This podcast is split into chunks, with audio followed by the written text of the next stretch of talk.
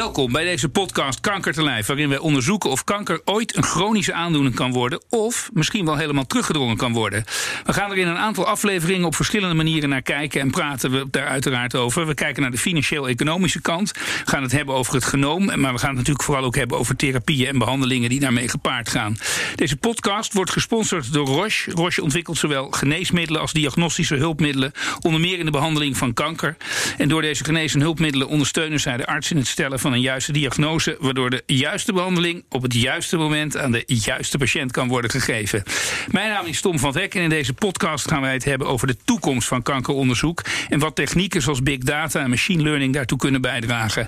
Ik heb twee uh, mooie gasten daarvoor uh, hier naar de studio gelokt. Twee hoogleraren, Emiel Voest en René Medema. Beide verbonden aan het NKI, AVL, Antonie van Leeuwenhoek, het, het onderzoeksinstituut. De, beide hoogleraar, zei ik u al. En de een is als wetenschapsdirecteur verbonden, René Medema. En Emiel Voest is de medisch directeur van dat prachtige onderzoekinstituut. Heren, welkom. Allereerst en fijn dat jullie er zijn.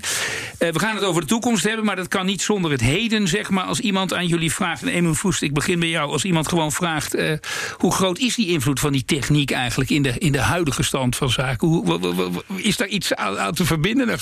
Ja, dat, dat, is wat moeilijk weer te geven. Ontzettend groot zou ik durven zeggen. We zitten in de, in de, laatste, de laatste decennium eigenlijk, heeft met name de technologie een enorme impact gehad op het beter kunnen snappen hoe kanker werkt maar ook het beter visualiseren van kanker. Dus uh, ik denk als je het vergelijkt met vroeger, toen je al die hulpmiddelen nog niet had, ja, dan is dat echt een wereld van verschil. En dat maakt ook al dat we nu op 62% genezingskans zitten van kanker. Want mensen wel eens vergeten dat er gelukkig ook heel vaak iets goed gaat. Ja, René, maar is er een moment aan te wijzen dat techniek ineens een soort uh, intrede deed in de geneeskunde? Of nou, is die er altijd wel geweest? Ja, er zijn natuurlijk verschillende vormen van techniek. Hè? Ja. Dus als je kijkt naar, naar chirurgische technieken, dan is dat een continuum wat zich steeds verder ontwikkelt. Uh, maar er is wel een belangrijke stap gemaakt uh, als het gaat om technieken en introductie daarvan, uh, als het gaat om, om de DNA-sequenties. Ja. He, dus de, de analyses van mutaties van tumoren, dat is echt het begin, begin van deze eeuw is dat, uh, nou, is, dat, is dat in een sneltreinvaart gekomen en is dat ook in een sneltreinvaart? Uh, vindt dat nu introductie in de behandeling van kanker? En wat is eigenlijk de belangrijkste praktische toepassing daarin? En, en waar zijn jullie vooral zeg maar, naar op zoek als ik richting toekomst kijk? Nou, wat de praktische toepassing daarvan is, is dat je nu dus veel meer kan weten van, van de individuele tumor. Dus, dus eigenlijk alle, alle afwijkingen die er bestaan in die tumor, die kan je nu binnen heel, zeer korte tijd, binnen een, een spannen van dagen, kan je die in kaart brengen. En dat zijn nou precies ook de zaken die bepalen hoe die tumor zich zal gedragen en hoe die mogelijk zal reageren op een therapie. Dus wat, wat de belangrijkste verandering zal zijn in de toekomst, en daar staan we eigenlijk nog maar aan het begin, is dat we die, al die data die we dan kunnen genereren van een individuele patiënt, die kunnen we, die, die, kunnen we gaan minen. Die kunnen we gaan, gaan kijken van wat zit er, wat, wat vertelt ons dat over wat dan mogelijk de beste manier van behandelen is. En als wij kijken, um, wat voor ontwikkeling, uh, Emil Voest, en vraag ik jou, het, voor de behandelend arts zeg maar, heeft. Al die, is het nog voldoende om een gewone artsopleiding te doen? Of moet je langzamerhand ook uh, wiskundige zijn? Ja, dat is wel een goede, goede vraag. Ik denk, dat, ik denk dat het enorm waardevol is als je als arts ook steeds meer weet van, van dit soort analyses. Gewoon simpelweg weten wat er onder de motorkap gebeurt, maakt dat je een betere dokter voor je patiënt kan zijn. En, en waar je vroeger als oncoloog een patiënt voor je had met borstkanker en die behandelde je eigenlijk allemaal ongeveer op dezelfde manier, zie je nu door uh, die DNA-analyses als voorbeeld ja. dat borstkanker uit elkaar valt in, in, in, in talloze verschillende subgroepjes die allemaal bij wijze van spreken een eigen behandeling zouden kunnen gebruiken. Uh, in aanvulling op bijvoorbeeld operaties of uh, bestralen. Dus juist, juist het zoeken van de Achillespees van een tumor, eh, of de Achilleshiel van een tumor, om daarmee een behandeling te geven, ja, dat, dat is een hele belangrijke ontwikkeling. En dan, dan helpt het als je als dokter ook getraind bent om te snappen waar je naar kijkt. Ja, moet, moet je die techniek zelfs snappen, of kan de techniek het ook voor jou doen als je dan maar weet hoe je hem toepast en, en welke behandeling ja, je moet nee, de, de, het, zou, het zou echt uh, onzin zijn als elke dokter nou ook een bioinformaticus zou moeten zijn. Maar wat wij vroeger was in je multidisciplinaire team zat nooit een bioinformaticus. Dus iemand die zeg maar, die DNA-analyses kon doen voor je. En tegenwoordig hebben we die wel als integraal onderdeel van ons team. Dus de teams worden ook anders. Juist om dit soort uh, wiskundige berekeningen en analyses goed mee te kunnen nemen. Dus die zit naast je, bij wijze van spreken. Om dan jou, met jou samen te kijken van waar zit die Achilleshiel en hoe kunnen we daarop inspelen. Um, René Miedma, als we, als we naar de toekomst kijken, zijn er ook wel eens mensen die zeggen: ja, um, we moeten ook wel opletten dat een, een patiënt geen uh, genoom wordt, zeg maar. Uh, dus je, je, snapt wel wat ik bedoel daarmee. Ja. Die data aan de ene kant is natuurlijk allemaal fantastisch. En je zei al, individueel vertalen, et cetera. Maar ja. er zit ook een persoon gewoon. Hoe, hoe verhoudt zich dat? Ja, dat is natuurlijk een hele belangrijke dimensie. En, en, en het behandelen van een kankerpatiënt zal nooit de taak worden van een, van een puur wiskundige. He, daar, daar komt natuurlijk van alles bij kijken. Want naast dat je kijkt naar uh, hoe, hoe reageert deze patiënt op deze behandeling, hoe reageert de tumor op deze behandeling, zijn er ook dingen als bijwerkingen. Maar er zit ook een heel. Uh, ja, er zit, er, zit natuurlijk een veel groter verhaal aan. Hè. Dus, dus ik denk dat nog steeds ten alle tijde een belangrijk aspect in de opleiding van onze artsen zal zijn. Het, het, het menselijke element, het persoonlijke element. En um, het kijken naar de ja. patiënt van hoe, hoe doet de patiënt het? Behalve dan dat ik kan zien hoe de tumor uh, respondeert op deze behandeling. Wat, wat heeft het voor verdere impact? op een patiënt. Dat blijft, uh, dat blijft wel overeind. Dat zal ongetwijfeld. Maar uh, toch, we proberen een kijkje in de toekomst te nemen. Die, die die, die, die invloed van die techniek die zal alleen maar toenemen waarschijnlijk. Ja. En in welke mate dan? Hoe, hoe, wat, wat, wat, breiden we uit wat we nu hebben of komen er ook nog hele nieuwe dingen om de hoek? Nou, er zullen, er zullen ongetwijfeld ook nog dingen om de hoek komen die we nu nog niet kunnen, kunnen voorzien. Um, vooralsnog verwacht ik hè, dat, dat de belangrijkste verandering zal zijn de komende 10, 20 jaar. Is dat we de technieken die we nu hebben, dat we die uitgebreider in gaan zetten. Waarbij je inderdaad in een team ook uh, zult moeten leunen op de, de kracht van een wiskundige, de kracht van een bioinformaticus. Um, dus ik, ik, verwacht dat die, dat die behandeling van kanker. Die wordt multidisciplinairder. Maar daar zal nooit aan kunnen ontbreken dat daar ook nog een oncoloog zit. Een, een, een oncologisch chirurg die, die, uh, nou, die, die doet wat, wat, wat uh, de huidige behandelende artsen doen. En dat is natuurlijk heel goed kijken naar de patiënt en, en kijken hoe die behandeling uh, aanslaat. Ja. En misschien, misschien als aanvulling erop. Kijk, we, zoals we de zorg nu georganiseerd hebben, is dat van elke individuele patiënt staat in een elektronisch patiëntendossier staat de informatie bij elkaar. De, de, de CT-scans, de lab uitslagen, de pathologie. En uh, waar we in Nederland en de wereld eigenlijk nog niet in geslaagd zijn, is om al die kennis zo bij elkaar te brengen, te bundelen, dat het straks mogelijk wordt om gewoon een individuele patiënt te houden tegen een heel archief van allemaal patiënten die eenzelfde soort profiel hebben, eenzelfde soort beeldvorming hebben.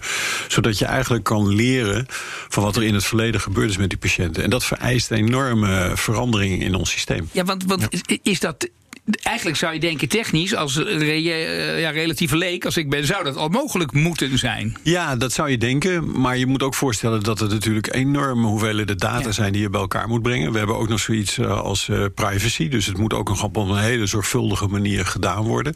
Maar het feit dat je die data bij elkaar kan brengen in een omgeving waarmee je ook nog kan rekenen.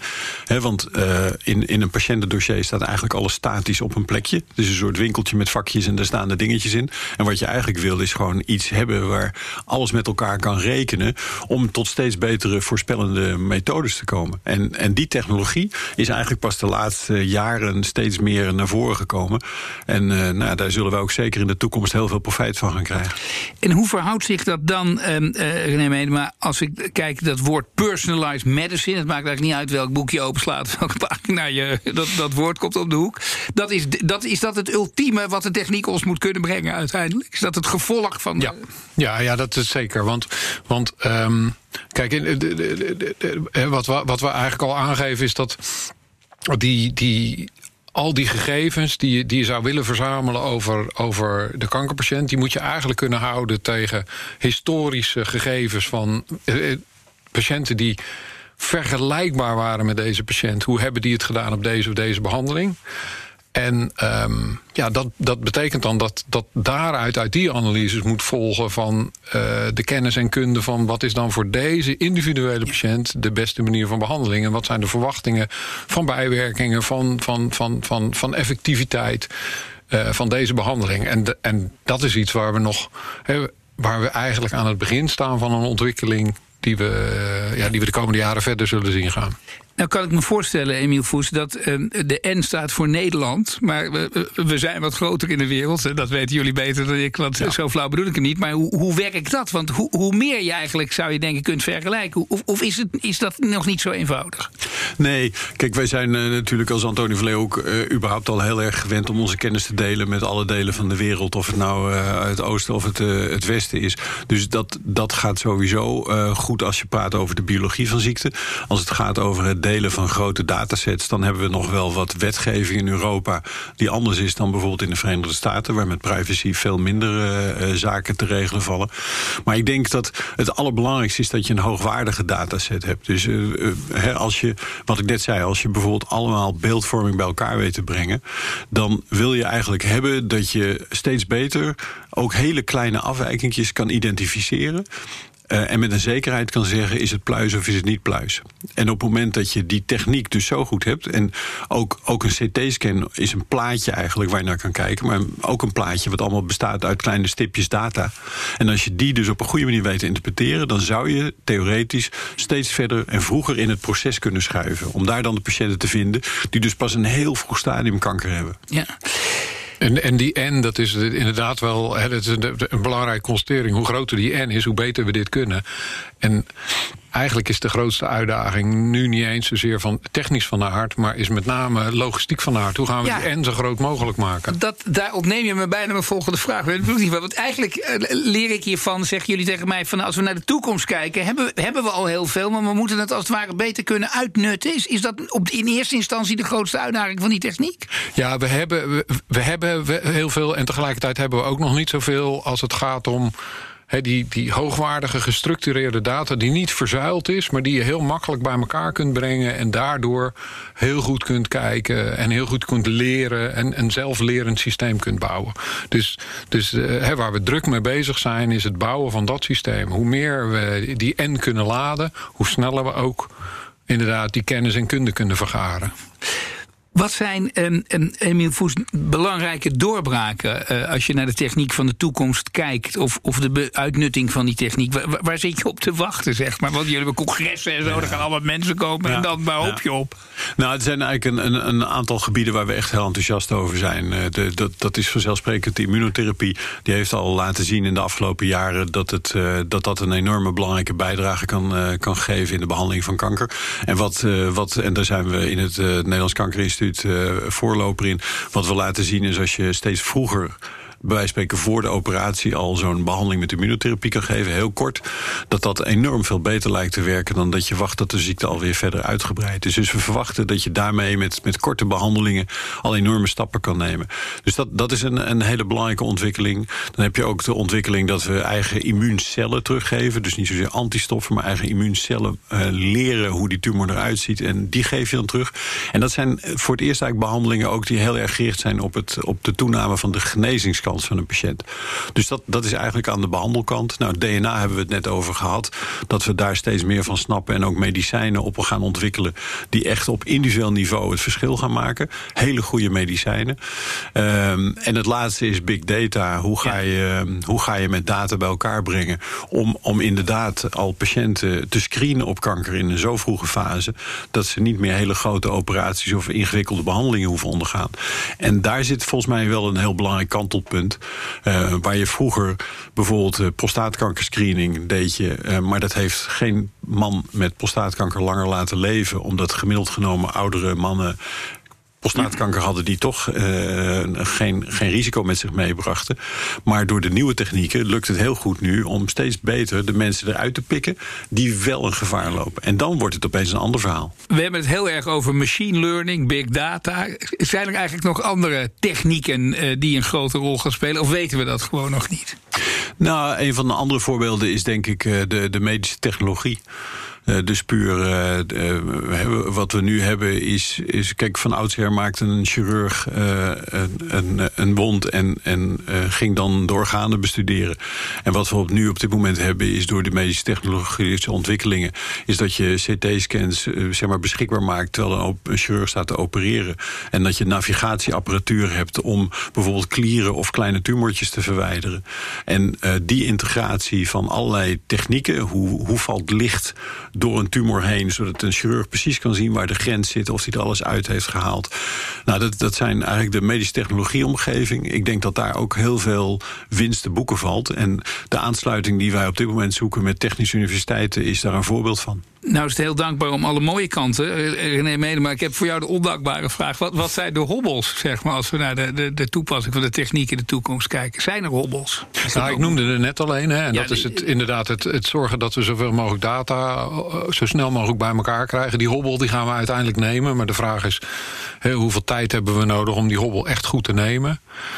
Ja, en verdere hobbels... Um, Kijk, ik, ik verwacht zelf dat, dat, eh, dat is ook wat Emiel zei, dat, dat er de volgende, de volgende klap gaat gemaakt worden met, met, met vroegere diagnostiek. dus op het moment dat we er eerder bij kunnen zijn, dan zullen we ook veel effectiever kunnen gaan behandelen.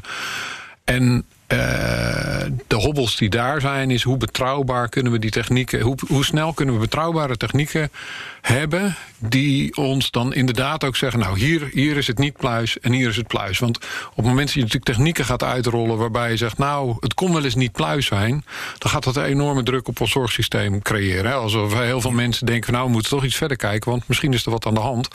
Ja, dat, dat, dat is denk ik, dat, dat geeft een, een, een grote hobbel die je mogelijk niet kunt nemen. De beginvraag is een beetje: eh, gaat kanker een chronische aandoening worden, Emiel Voest? Ja, dat, dat is altijd zo'n woord, een chronische aandoening. Je zei zelf al, het percentage van mensen wat over langere tijd is al enorm aan het stijgen. Eh, wordt het een chronische aandoening ooit? Ja, dat is heel lastig. Daar wordt natuurlijk wel heel lang over gesproken, precies zoals je zelf zegt. Kijk, eh, ons ideaalbeeld is natuurlijk uiteindelijk om mensen te genezen. Ehm, en, en we hebben het idee dat met sommige vormen van kanker en sommige behandelingen dat dat nu ook in ieder geval aan de horizon aan het verschijnen is. Dat zal niet morgen zijn, maar we zien dat daar echt uh, stappen genomen worden. Als tussenstap hebben we inderdaad ook vormen van behandeling uh, die maken dat, dat mensen heel lang met die vorm van kanker kunnen leven. Dus in dat opzicht wordt het chronisch. Dus, dus we, maken, uh, we maken voortgang. En we zijn eigenlijk wel heel enthousiast over, over deze periode om nu als onderzoeker en als oncoloog te werken. En je ziet wat er gebeurt, dat is ongelooflijk gaaf. En dan maken we ook ons wel, ook wel heel veel zorgen over corona, wat een enorme impact heeft op de research, op de financiering van research, op de mogelijkheden die we hebben om, om stappen te nemen. Denk aan ook het, eh, de Nederlandse kankerbestrijding KWF, die, die zeg maar veel minder inkomsten heeft voor research.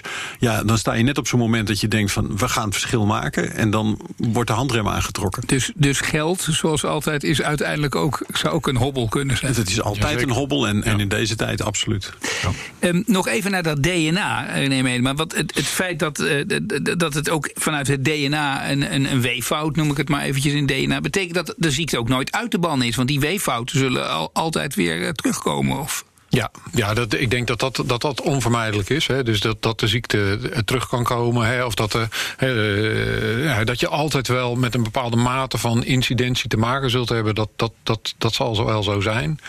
Um, maar ik verwacht zelf dat je inderdaad op het moment dat je de beweging kunt maken naar verdere vroegdiagnostiek dan verwacht ik dat we heel erg effectief gaan worden. En dan kan je niet zeggen van er zal nooit meer iemand overlijden aan kanker. Uh, want als je in een veel, heel ver gevorderd stadium van je leven dan mogelijk een keer uh, tegen zo'n weeffout aanloopt, dan ga je denk ik zelf de vraag stellen van ga ik behandelen of, of is het mooi uh, zoals het is geweest. Um, maar als je de vraag stelt aan mij van denk je dat het ooit een chronische ziekte wordt? Of dat het altijd een, een, een goed behandelbare ziekte wordt, dan zou mijn antwoord daarop zijn ja. De tijdspannen die we nodig hebben om daar te komen, vind ik wat lastiger om een Daar gaan we jullie ook niet op uh, vastleggen, wees, wees, gerust. Overal kijkend, uh, uh, René Mede, maar we, we, zijn onderweg. Ehm, jullie zitten in een bijzonder spannend tijdsgevricht, nog even los van de corona en wat dat voor, voor gevolgen heeft. Ehm, is er iets in tijdsperspectief te, te, te, zeggen? Waar staan we nu in, in, in, in de zin? Ik hoorde net, jij zei 62 procent van de gevallen. Ja. Dat, we maken al enorme sprongen. Zit er ook ergens een eindpunt? Nou ja, dus als je historisch kijkt, de afgelopen twintig jaar eh, boeken we volgens mij een overlevingswinst van, ik dacht dat het zo even uit mijn hoofd 0,7% per jaar was. En daarvan zie je de laatste jaren dat dat iets aan het versnellen is. En ik verwacht dat we met de komst van immuuntherapie en de kansen die dat nog verder biedt, dat dat ons ook in staat moet stellen om de komende vijf jaar ook dat hogere niveau, dat hogere niveau van, van overlevingswinst te moeten kunnen boeken.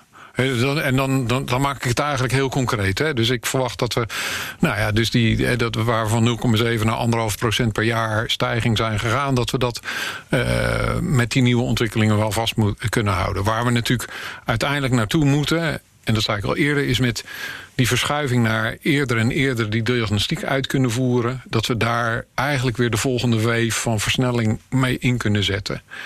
Um, want ik weet niet of dat je vraag helemaal beantwoordt. Nee, als, je, als je zegt van nou, nee, kun je het in een tijdsperspectief zetten. Um, ja. Maar goed, dat, dat betekent, hè, als je dat een beetje doorrekent, dat betekent dat we toch uh, rond 2030 toch zeker wel op die 75% moeten, zouden moeten uit kunnen komen.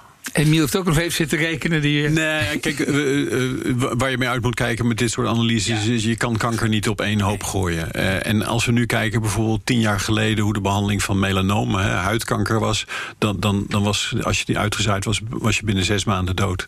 Door de ontwikkelingen met, met, met, immuuntherapie en, en uh, doelgerichte therapieën... zie je nu dat die mensen echt een heel ander levensperspectief hebben.